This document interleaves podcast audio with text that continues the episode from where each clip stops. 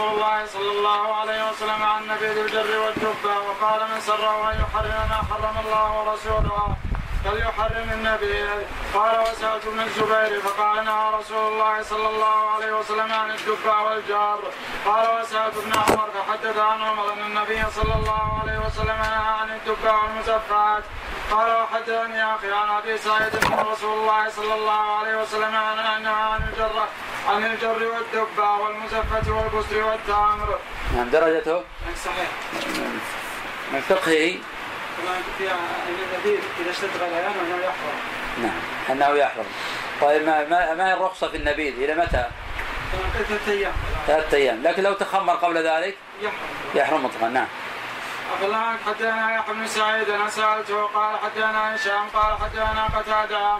عن سالم بن أبي الجعد عن معدان بن أبي طلحة أن عمر خطب يوم الجمعة فذكر نبي الله صلى الله عليه وسلم وذكر أبا بكر رضي الله عنه وقال إني قد رايت كان ديكا قد نقرني قد نقرني نقرتين ولا اراه إلا لحضور اجله وإن أقوى من يأمرني أن استخلفه وإن الله لم يكن ليضيع دينه ولا خلافته.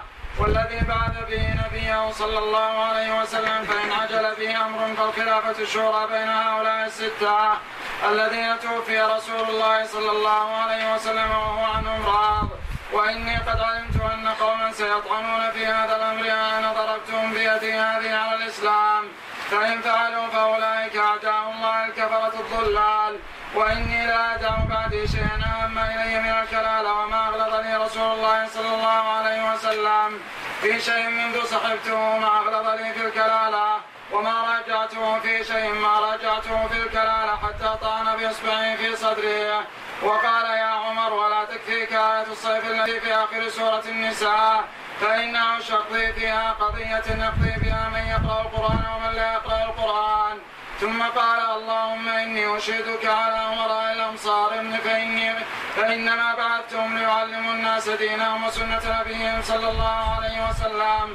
ويقسم فيهم فيهم ويعدل عليهم ويرفع إلي ما أشكل عليهم من أمرهم أيها الناس إنكم تأكلون شجرتين لا أراهما إلا خبيثتين لقد رأيت رسول الله صلى الله عليه وسلم إذا وجد ريحهما من الرجل في المسجد أمر به فأخذ بيده فأخرج إلى البقيع ومن أكلهما فليمتهما طبخا.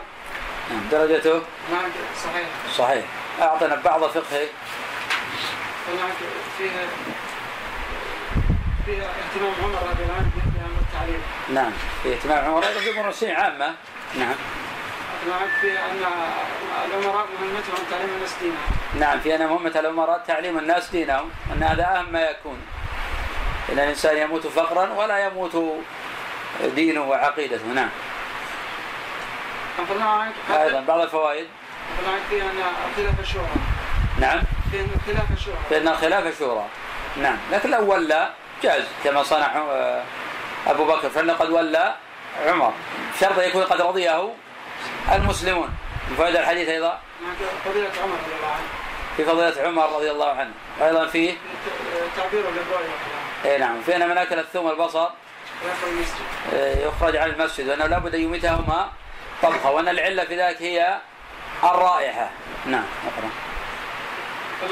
يلحق في غيره يلحق. نعم. دخان شر من الثوم البصر. نعم. عن حدثنا عبد الله بن نمير عن مجالد عن عامر عن جابر بن عبد الله قال سمعت عمر بن الخطاب يقول لطلحه بن عبد الله ما لي أراك قد شهدت وأخبرت منذ توفي رسول الله صلى الله عليه وسلم. لعلك ساك يا طلحة إمارة ابن عمك.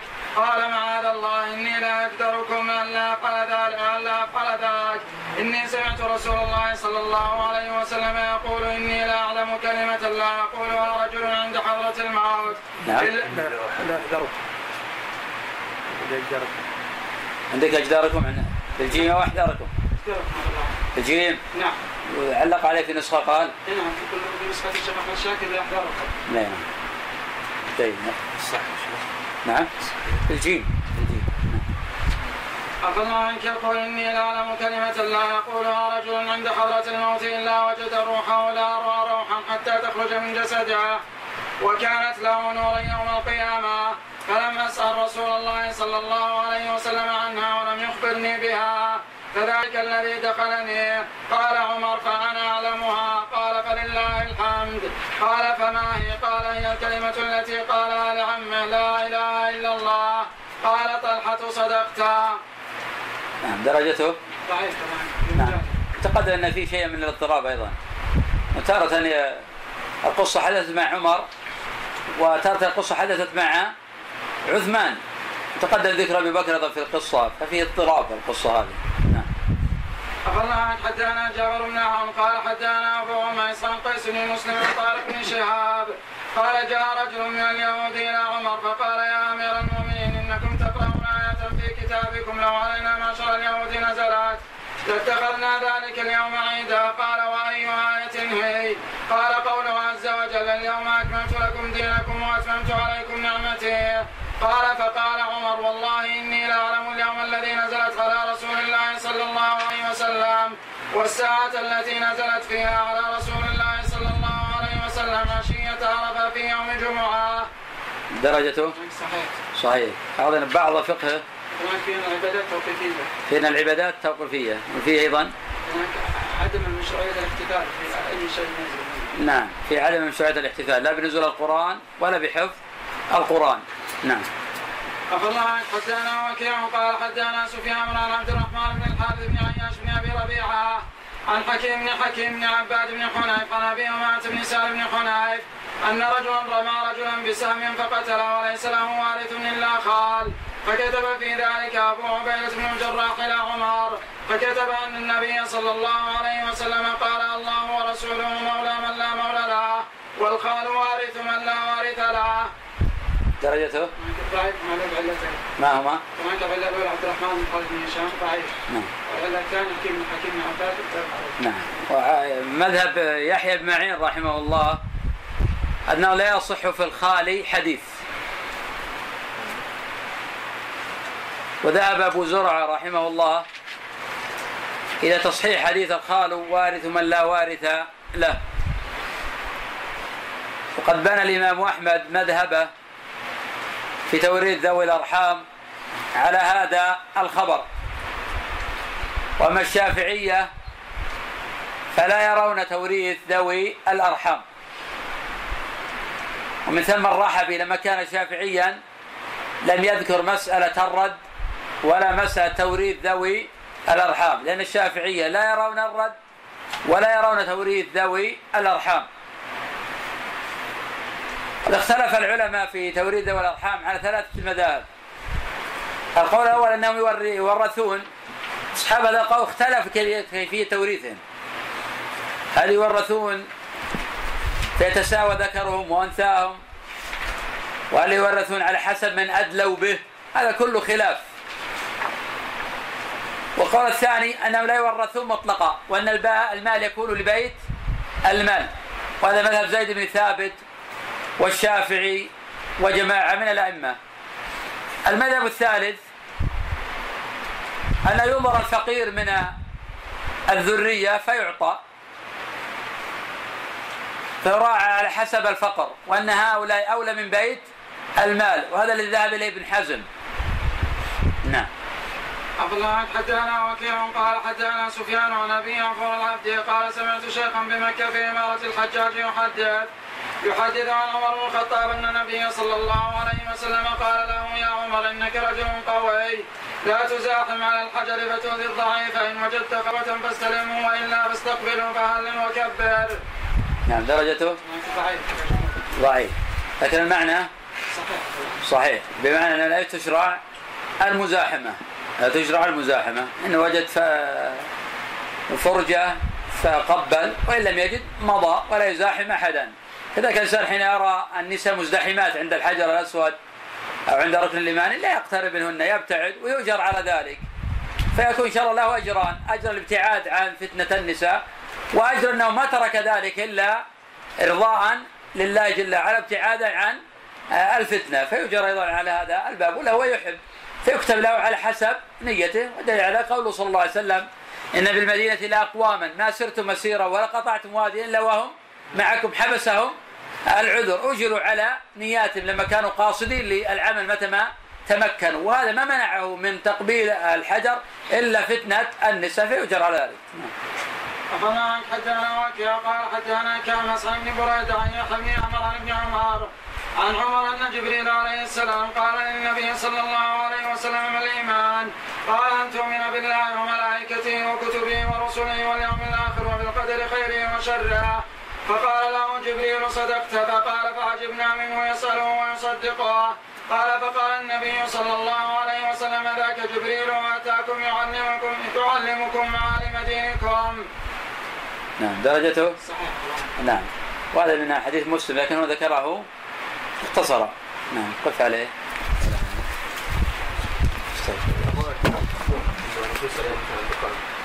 اذا إذا ما إذا ما شرب ما شرب الدخان تركب سيارة وتسقط طبعا بالثوب ما يصلي بالنسبة إذا كانت تؤذي الناس إلا بالاذى إذا كانت تؤذي الناس.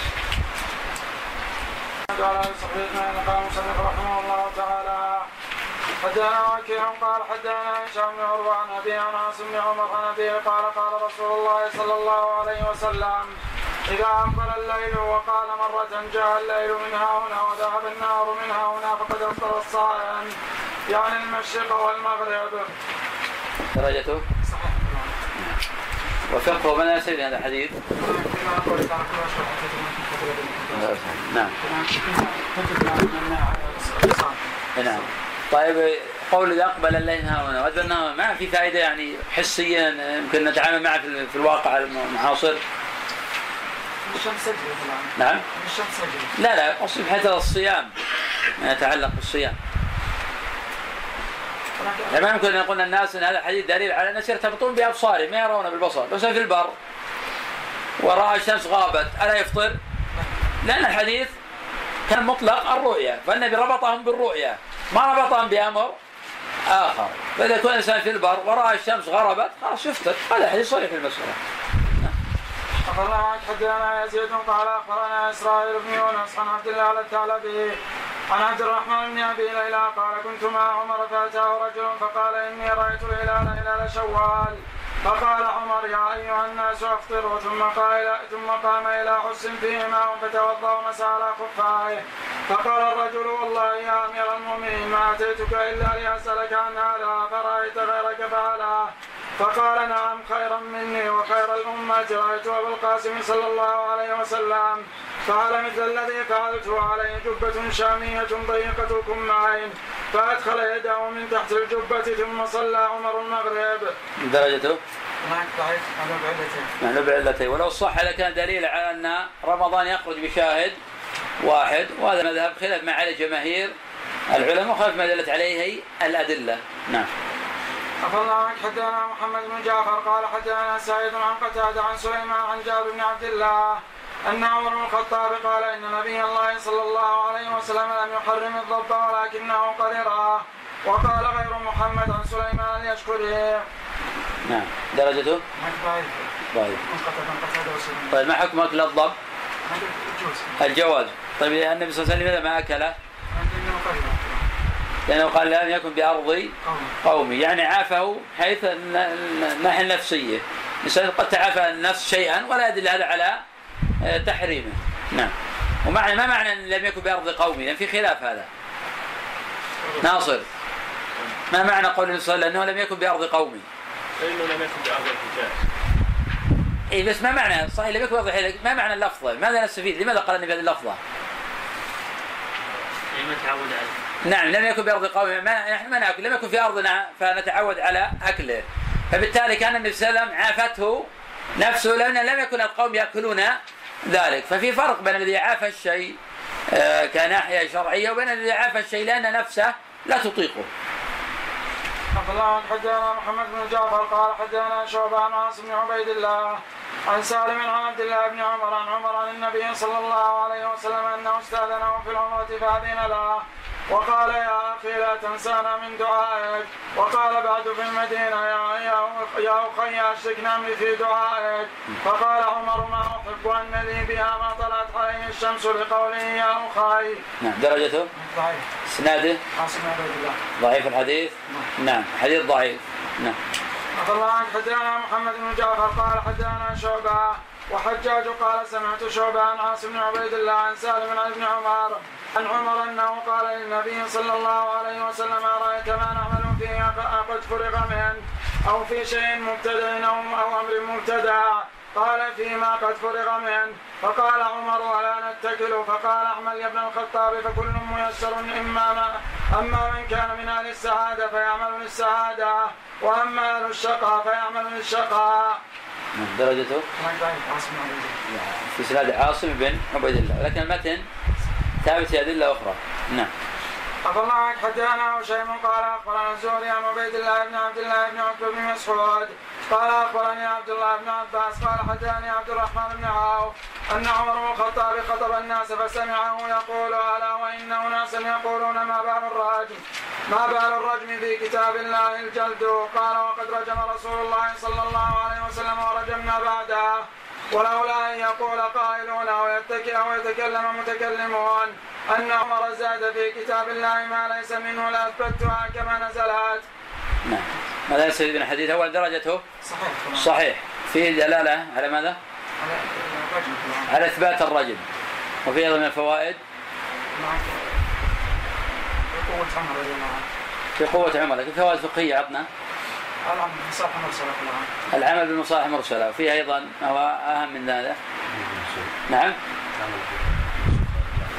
إيه نعم، العمل بالمنسوخ لأنه لا ينسخ اللفظ ولم ينسخ آه المعنى طيب الرجم متى يرجم الإنسان؟ متى يكون الرجم؟ هل كل من زنى؟ نعم نعم الرجل والمرأة سواء نعم نعم هل رجم النبي صلى الله عليه وسلم؟ نعم وجد الرجل في عهده؟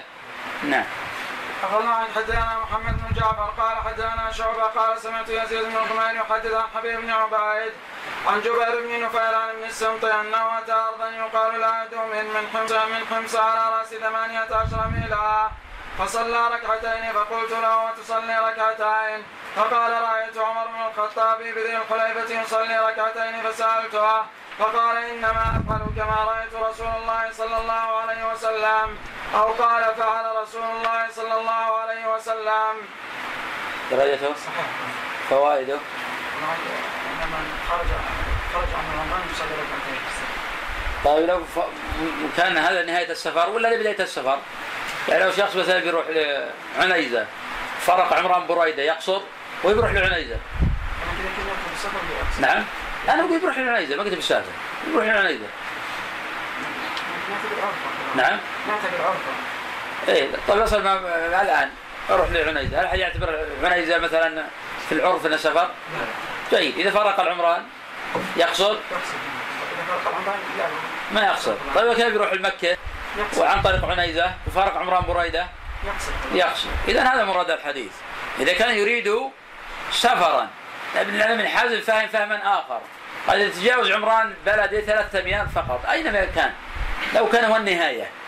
يعني إذا على مذهب ابن حزم إنسان تجاوز عمران البلد ثلاثة أميال أق- أكثر ما قيل تسع كيلو مترات خلاص يجلس ويقصر على القول الآخر ست كيلو مترات لأن مين مختلف فيه؟ نعم. أخبرنا عن قرأت على عبد الرحمن بن مهدي مالك عن شهاب عن سالم بن عبد الله عن ابن عمر قال دخل رجل من أصحاب رسول الله صلى الله عليه وسلم المسجد يوم الجمعة وعمر بن الخطاب يخطب الناس. فقال عمر أي ساعة أية ساعة هذا؟ فقال أمير فقال يا أمير المؤمنين انقلبت من السوق فسمعت النداء فما زدت على أن توضأت. فقال عمر والوضوء أيضا. وقد علمت أن رسول الله صلى الله عليه وسلم كان يأمر بالغسل. درجته نعم. فقه الحديث؟ استحباب الغسل يوم الجمعة. استحباب الغسل يوم الجمعة في خلاف. قيل واجب والجمهور على أنه سنة مؤكدة. وفي قول ثالث المسألة ورأي ابن تيمية أنه واجب على من به رائحة. وهذا قول قوي. ودفت به جماعة من الأئمة لأنه لابد من إزالة وقطع الروائح الكريهة. وهو فقه الحديث؟ قطع الخطبة للتعليم قطع الخطبة للتعليم وأنه لا بأس بذلك وأنه لا بأس أن الإمام يخاطب المأمومين وأن المأمومين يخاطبون الإمام أو المستمعين يخاطبون الإمام. الفائدة الثالثة هناك آه، مشروعية الإنكار. أن إذا اقتضت مصلحة ولم يكن فيه آه، مضرة آه، أعظم. لأن عمر أنكر علانية ولم يقل عمر أخجل عن الناس إنما أنكر عليه أمام جميع آه، الحاضرين. قال فقلت لنفسي ثقلتك أمك يا ابن الخطاب نزلت رسول الله صلى الله عليه وسلم ثلاث مرات فلم يرد عليك. قال فركبت راحلتي فتقدمت مخافة أن يكون نزل في شاية قال فإذا أنا بمناد ينادي يا عمر أين عمر؟ قال فرجعت وأنا أظن أنه نزل في شاية قال فقال النبي صلى الله عليه وسلم نزلت علي البارحة سورة هي أحق إلي من الدنيا وما فيها. إنا فتحنا لك فتحا مبينا ليغفر لك الله ما تقدم من ذنبك وما تأخر. نعم درجته؟ صحيح. صحيح. ماذا نستفيد منه؟ نعم في ملازمة عمر للنبي صلى الله عليه وسلم وفيه؟ ولكن من كان. نعم وفيه؟ حط مسألة فقهية أفضل. تعلق بالفقه الحديث أفضل.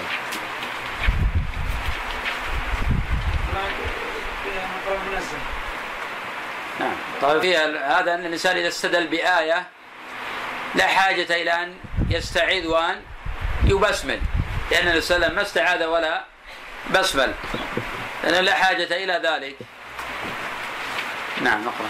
أخبرنا عن حدثنا أبو النضر قال حدثنا المسعود عن حكيم بن جبير عن موسى بن طلحة عن ابن حوتكية قال أتي عمر بن الخطاب بطعام فدعا إلي رجلا فقال إني صائم. ثم قال ثم قال وأي الصيام تصوم. لولا كراهية أن أزيد وأنقص لحدثتكم بحديث النبي صلى الله عليه وسلم حين جاءه الأعرابي بالأرناب. ولكن أرسلوا إلى عمار فلما جاء عمار قال أشاهد أنت رسول الله صلى الله عليه وسلم يوم جاءه الأعرابي بالأرناب. قال نعم. فقال إني رأيت بها دما. فقال كلوها. قال إني صائم. قال وأي الصيام تصوم. قال أول الشهر وآخره قال إن كنت صائما فصم الثلاث عشرة والأربع عشرة والخمس عشرة.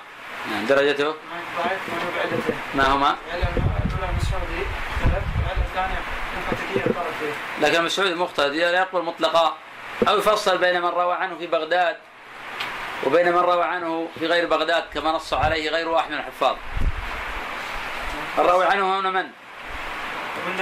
من روى عنه في بغداد أو لا؟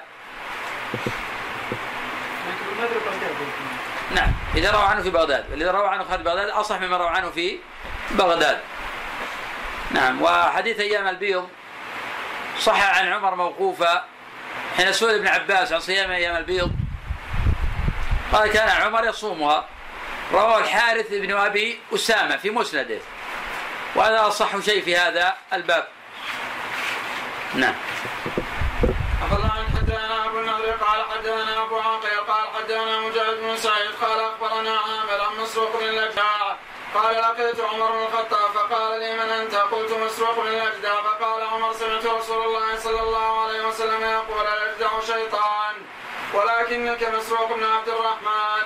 قال عامر فرأيته في الديوان مكتوبا مسروق بن عبد الرحمن. فقلت ما هذا؟ فقال هكذا سماني عمر رضي الله عنه. نعم درجته؟ ضعيف مجاهد بن سعيد. نعم مجاهد بن سعيد. كما قال عنه الإمام أحمد رحمه الله تعالى ليس بشيء. وضعفه الإمام النسائي رحمه الله تعالى وغيره. وهذا الخبر في إسناد مجاهد بن سعيد لا يحتج به. نعم. أخذنا عن حدثنا إسحاق بن عيسى قال حدثنا ابن عن جعفر بن ربيعة عن الزهري عن محرر بن أبي هريرة عن أبيه عن عمر بن الخطاب أن النبي صلى الله عليه وسلم نهى عن العزل عن الحرة إلا بإذنها. درجته؟ نعم في ابن لهيعة فقط. المتن طيب. هل يجوز العزل عن الحرة بغير إذنها؟ أم أن هذا حق للزوجين معا؟ نعم. لم يذكر في إذنان. لم يذكر في إذن المرأة اي نعم. طبعا هذا الحديث ضم للأحاديث الأخرى هذا صحيح كلام. لكن ضم للأحاديث الأخرى لأنه الروايه اللي فيه ولو كان شيء عن نهى عنه القرآن هي مدرجة من قول سفيان ليست من كلام جابر. ليست من يعني مدرجه من قول سفيان.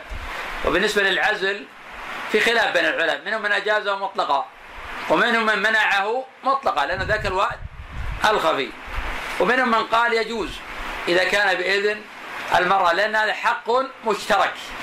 لأن هذا حق مشترك. فإذا تواطأ الزوجان فلا بأس به. نعم. حدثنا أبو عامر عبد الملك بن عامر قال حدثنا هشام عن يعني بن سعد. عن زيد بن أسلم عن أبيه قال سمعت عمر يقول لئن عشت إلى هذا العام المقبل لا يفتح للناس قرية إلا قسمتها بينهم. كما قسم رسول الله صلى الله عليه وسلم خيبر. نعم درجته صحيح. ماذا يستفيد منه؟ القسم على الرعية.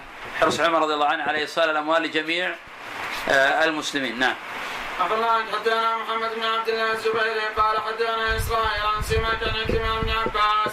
عن عمر قال كنت مع النبي صلى الله عليه وسلم في غزاة فحلفت له وابيه فهتف فهتف بي رجل من خلفي فقال لا تحلفوا بآبائكم فإذا هو النبي صلى الله عليه وسلم. نعم. درجته؟ سماك سماك. لكن المتن؟ صحيح. ثابت نعم. في ناخذ من هذا الحديث نعم الحناية عن الحلف بغير الله جل وعلا وأن هذا من الشرك الأصغر والترقى بالعبد يكون شركا آه، أكبر. نعم. نعم. سماك هل هو ضعيف مطلقا؟ لا سماك عن عكرمة ضعيف. سماك عن عكرمة ضعيف. والدليل على أنه شرك قوله صلى الله عليه وسلم من حلف باللات والعزى فليقل لا إله إلا الله. فهذا دليل على أنه أشرك. ولا لم يكن أشرك لم يقل النبي صلى الله عليه وسلم لا إله إلا الله. وهذا متفق على صحته. نعم.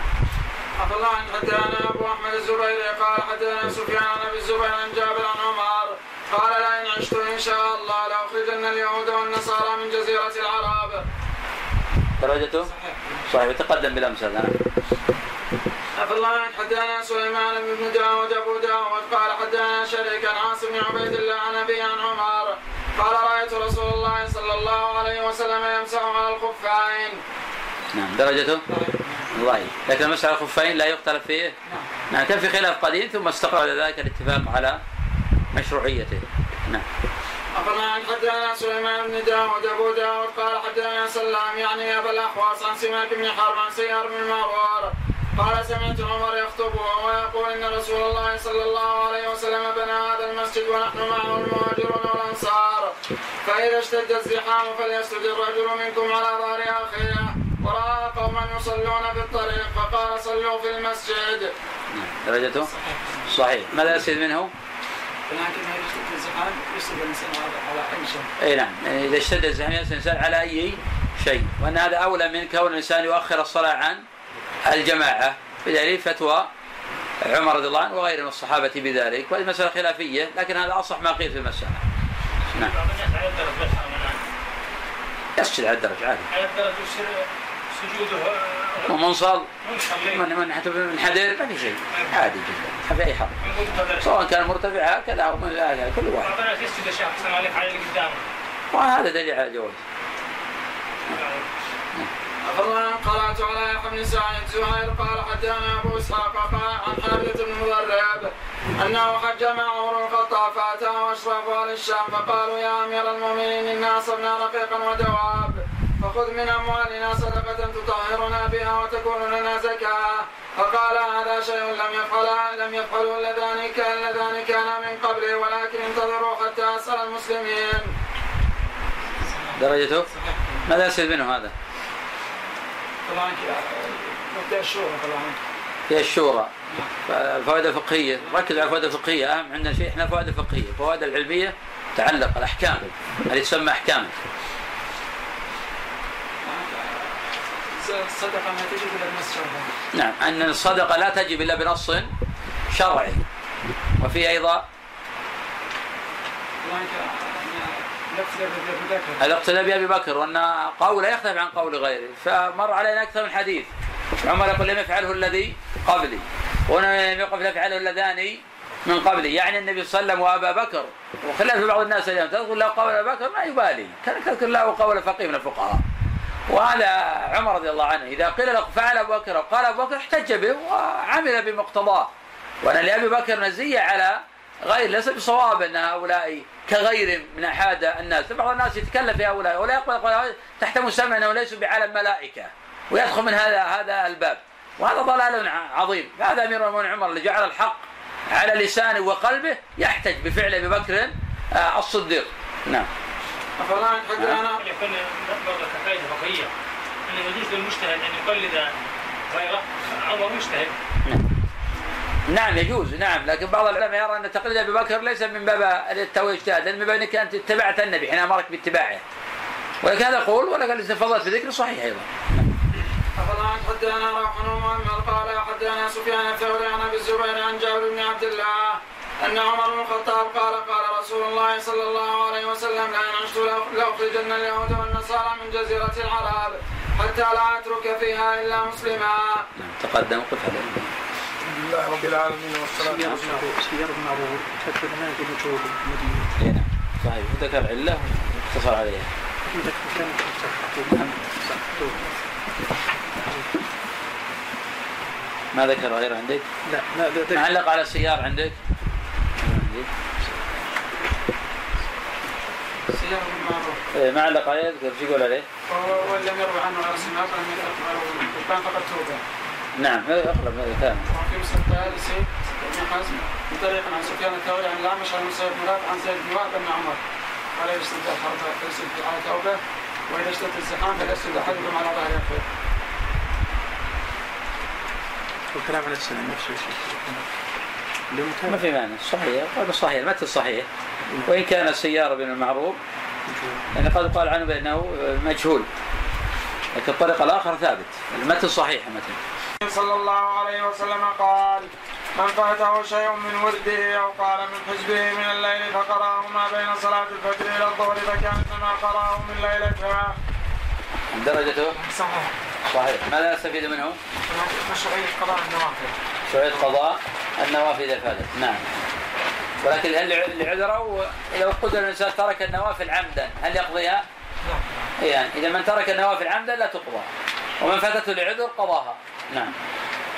أخبرنا حدثنا أبو نوح قراد قال حدثنا عجلة بن عمار قال حدثنا سماك الحنفي أبو زمائل قال حدثنا ابن عباس قال حدثني عمر قال لما كان يوم بدر قال نظر النبي صلى الله عليه وسلم إلى أصحابه وهم ثلاثمائة ونيات ونظر إلى المشركين فإذا هم ألف وزيادة فاستقبل النبي صلى الله عليه وسلم القبلة ثم مد يديه وعليه رداؤه وإزاره ثم قال اللهم أينما وعدتني؟ اللهم أنجز أنجز ما وعدتني.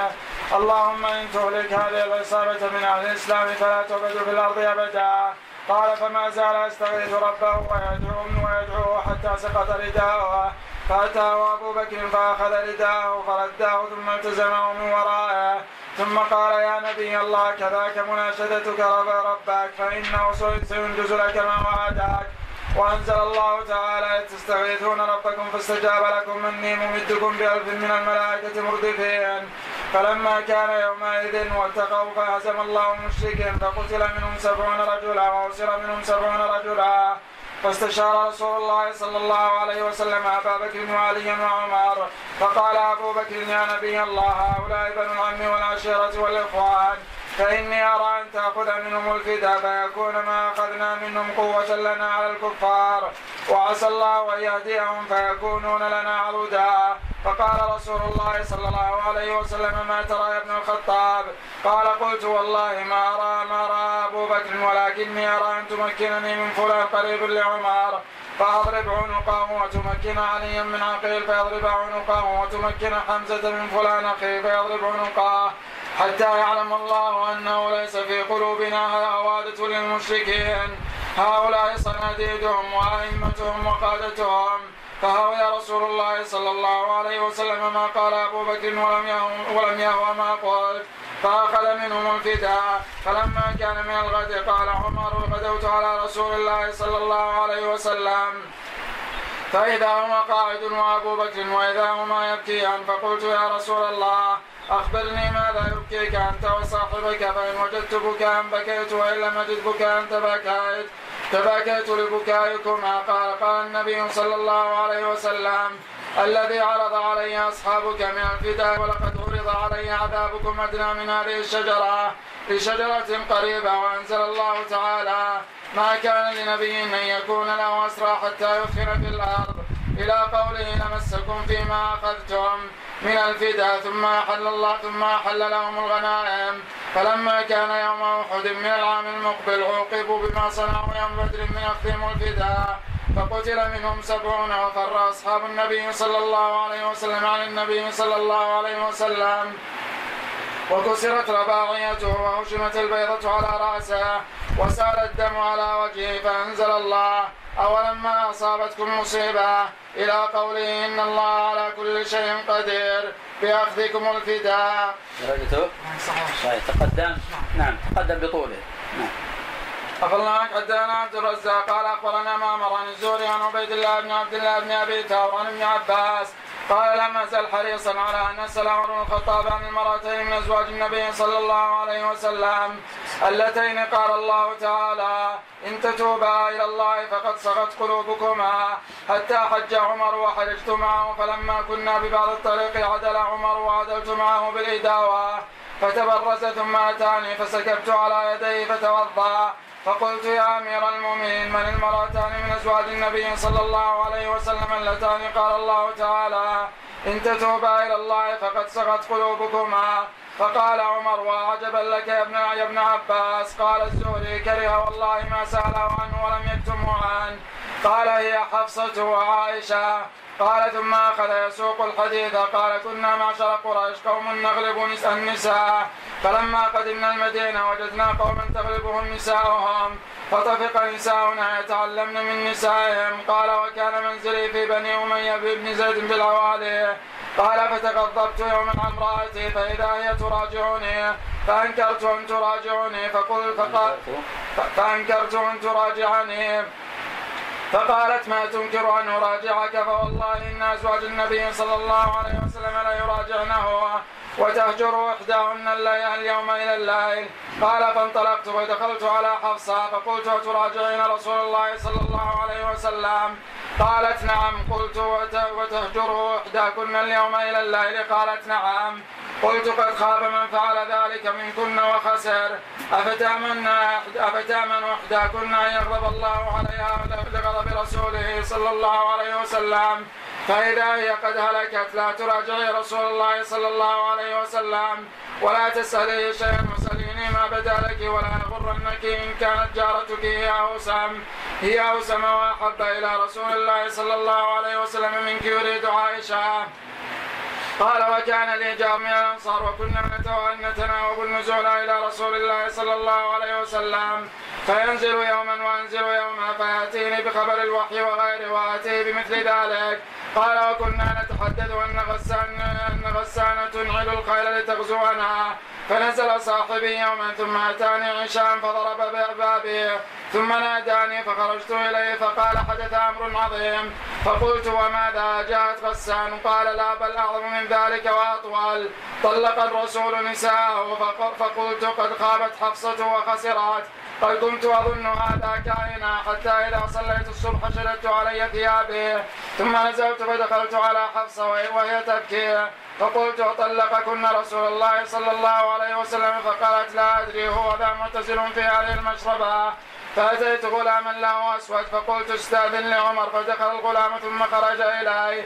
فقال قد ذكرتك قد ذكرتك له فصعد. فانطلقت فانطلقت حتى أتيت المنبر فإذا عنده رهط جلوس يبكي بعضهم. فجلست قليلا ثم غلبني ما أجد فأتيت الغلام فقلت استأذن لعمر. فدخل ثم خرج علي فقال قد ذكرتك له فصمت فخرجت فجلست إلى المنبر ثم غلبني ما أجد فأتيت الغلام. فقلت استاذن لعمر فدخل ثم خرج إلي فقال قد ذكرتك له فصمت فوليت مدبرا فإذا الغلام يدعوني فقال ادخل فقد أذن لك. فدخلت فسلمت على رسول الله صلى الله عليه وسلم فإذا هو متكئ على رمل حصير. وحدثنا يعقوب في حديث صالح قال رمال حصير. قد اثر في جنبه فقلت أطلقت يا رسول الله نساءك فرفع رأسه إلي وقال لا. فقلت الله أكبر لو رأيتنا يا رسول الله وكنا معشر قريش قوم نغلب النساء.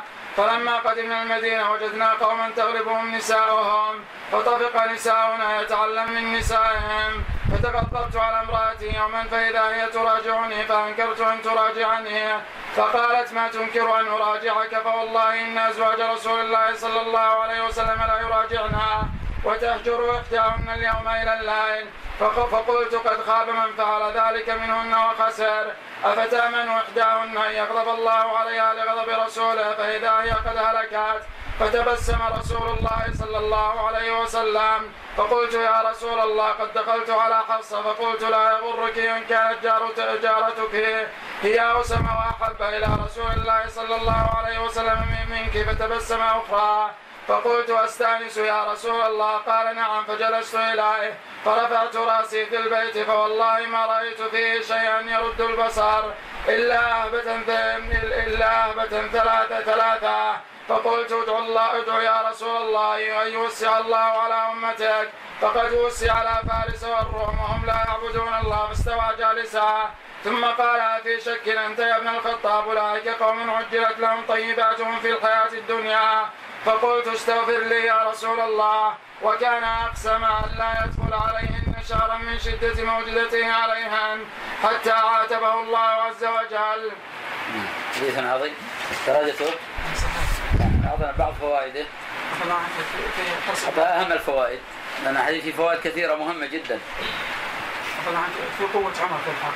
في قوة عمر في الحق، لا لا أعظم من هذا، لأن هذا أخذنا مرارا، لأن هذا لا يشك فيه. عمر رضي الله نعم. حرص ابن عباس على على التعليم عمر رضي الله عنه. نعم في حرص ابن عباس على التعلم. وأن هيبة عمر لم تمنعه من سؤال عن المراتين اللتين قد تظاهرتا.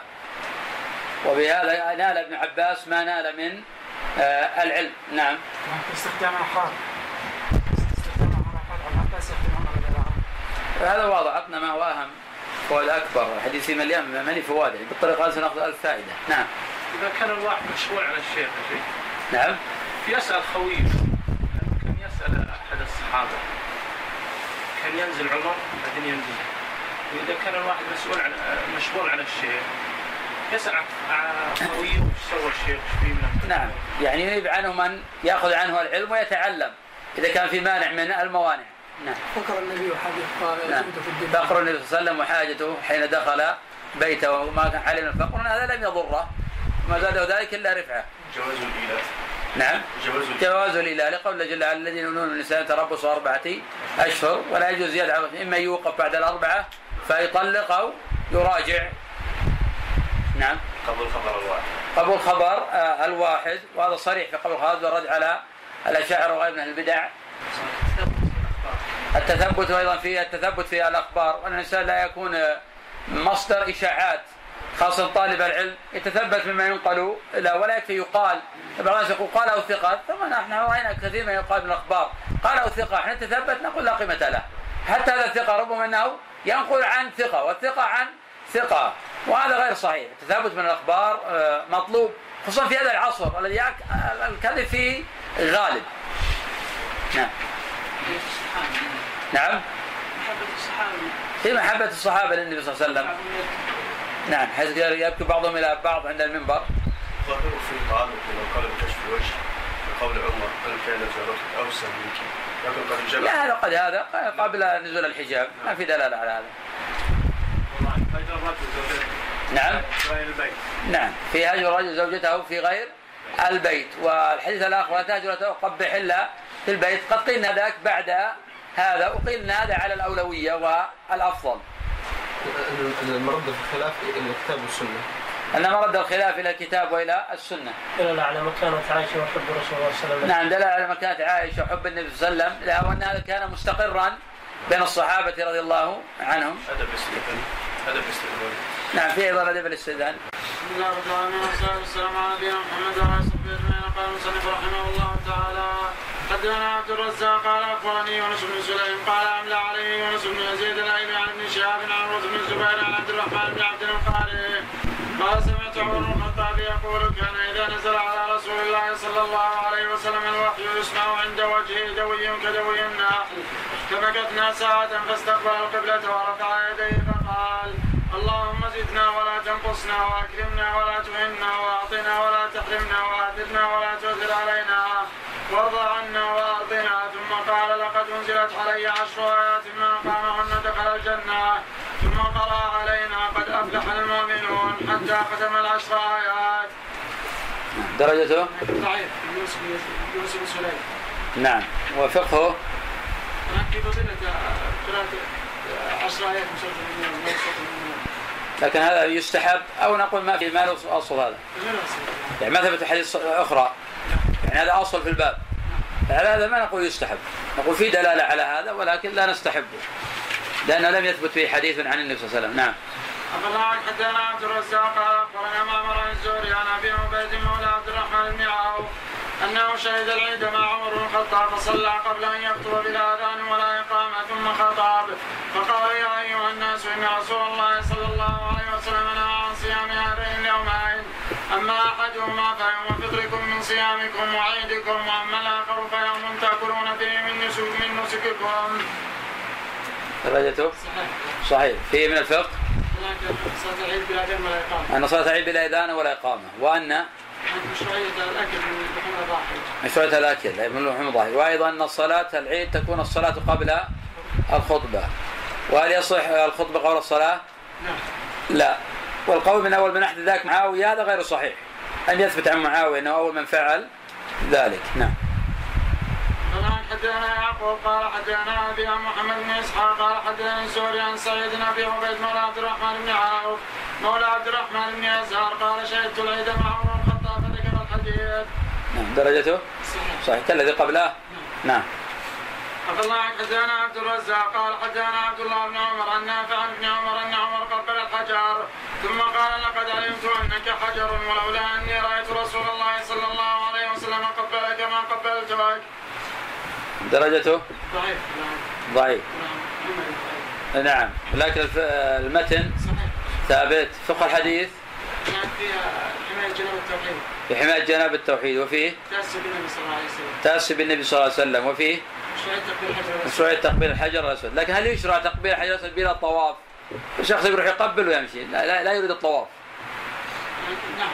ما هو الدليل عليه؟ لكن النبي صلى الله عليه وسلم رجعه قبل الحج ثم رجع لكن لا يزال في النسك. هنا لا يزال في نسك نحن نريد الرجل ما عنده نسك. ما انتهى من المسكين نعم. ما انتهى من المسكين النبي صلى الله عليه وسلم بعد ما صلى ركعتين الطواف إلا ما انتهى من النسك. وين؟ بقى السعي. بقى السعي ما انتهى. لا يزال بقى السعي وبقى الحلق.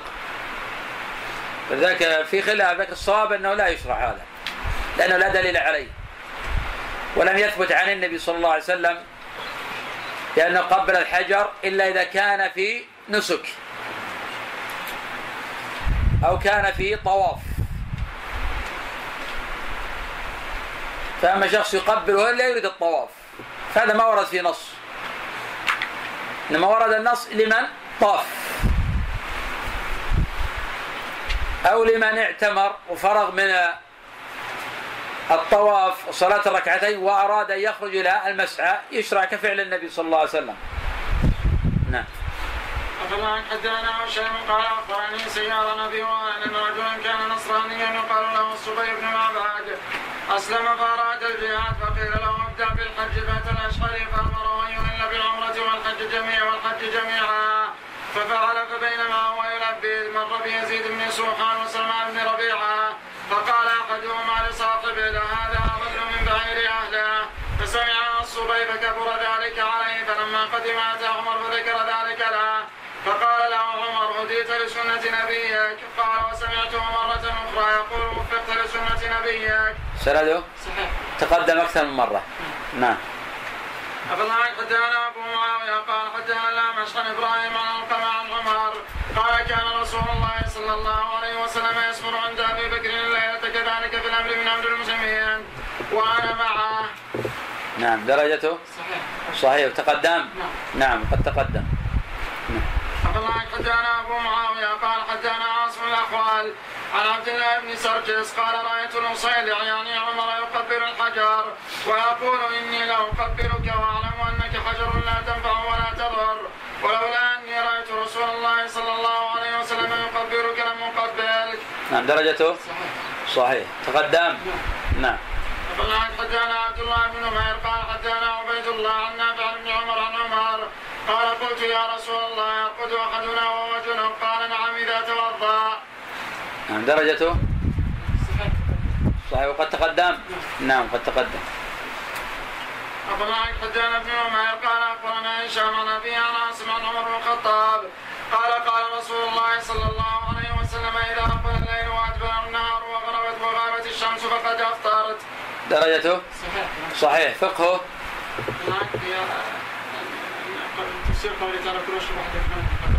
نعم. الإنسان إذا رأى أن الشمس. بقي دقيقة في ذهب إلى الطائرة الشمس حية؟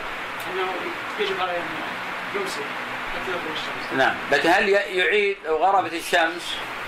غربت الشمس يجي الغيم ونحو ذلك. طبعا الساعات الآن تحدد لكن من قبل ما كان عندهم ساعات.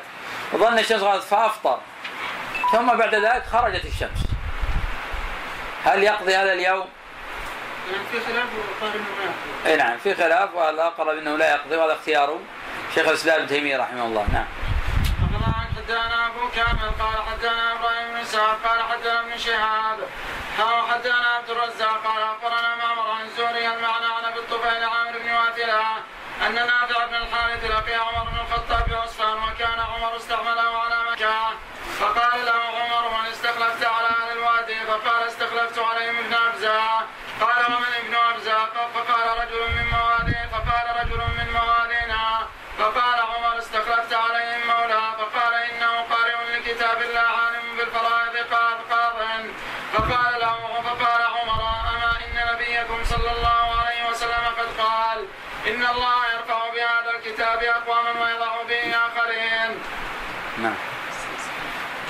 درجته؟ صحيح ماذا نستفيد منه؟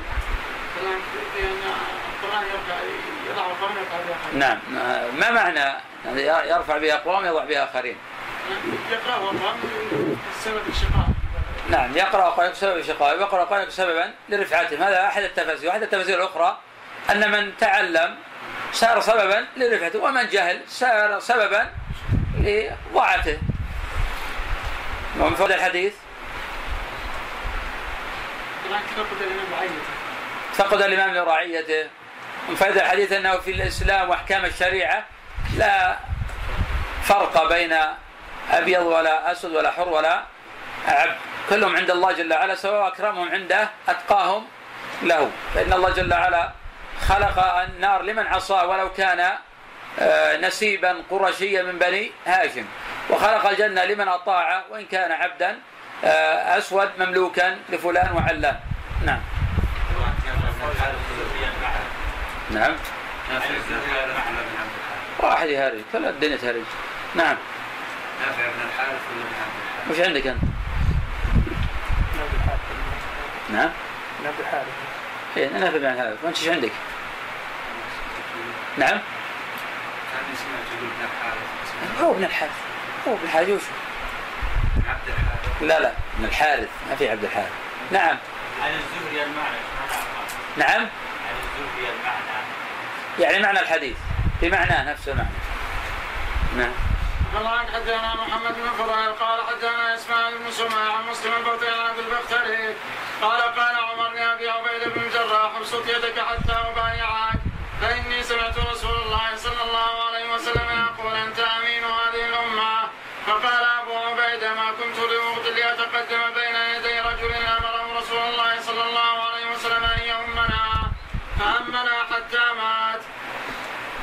درجته؟ ضعيف صحيح. وقت لم يدرك آه، عمر.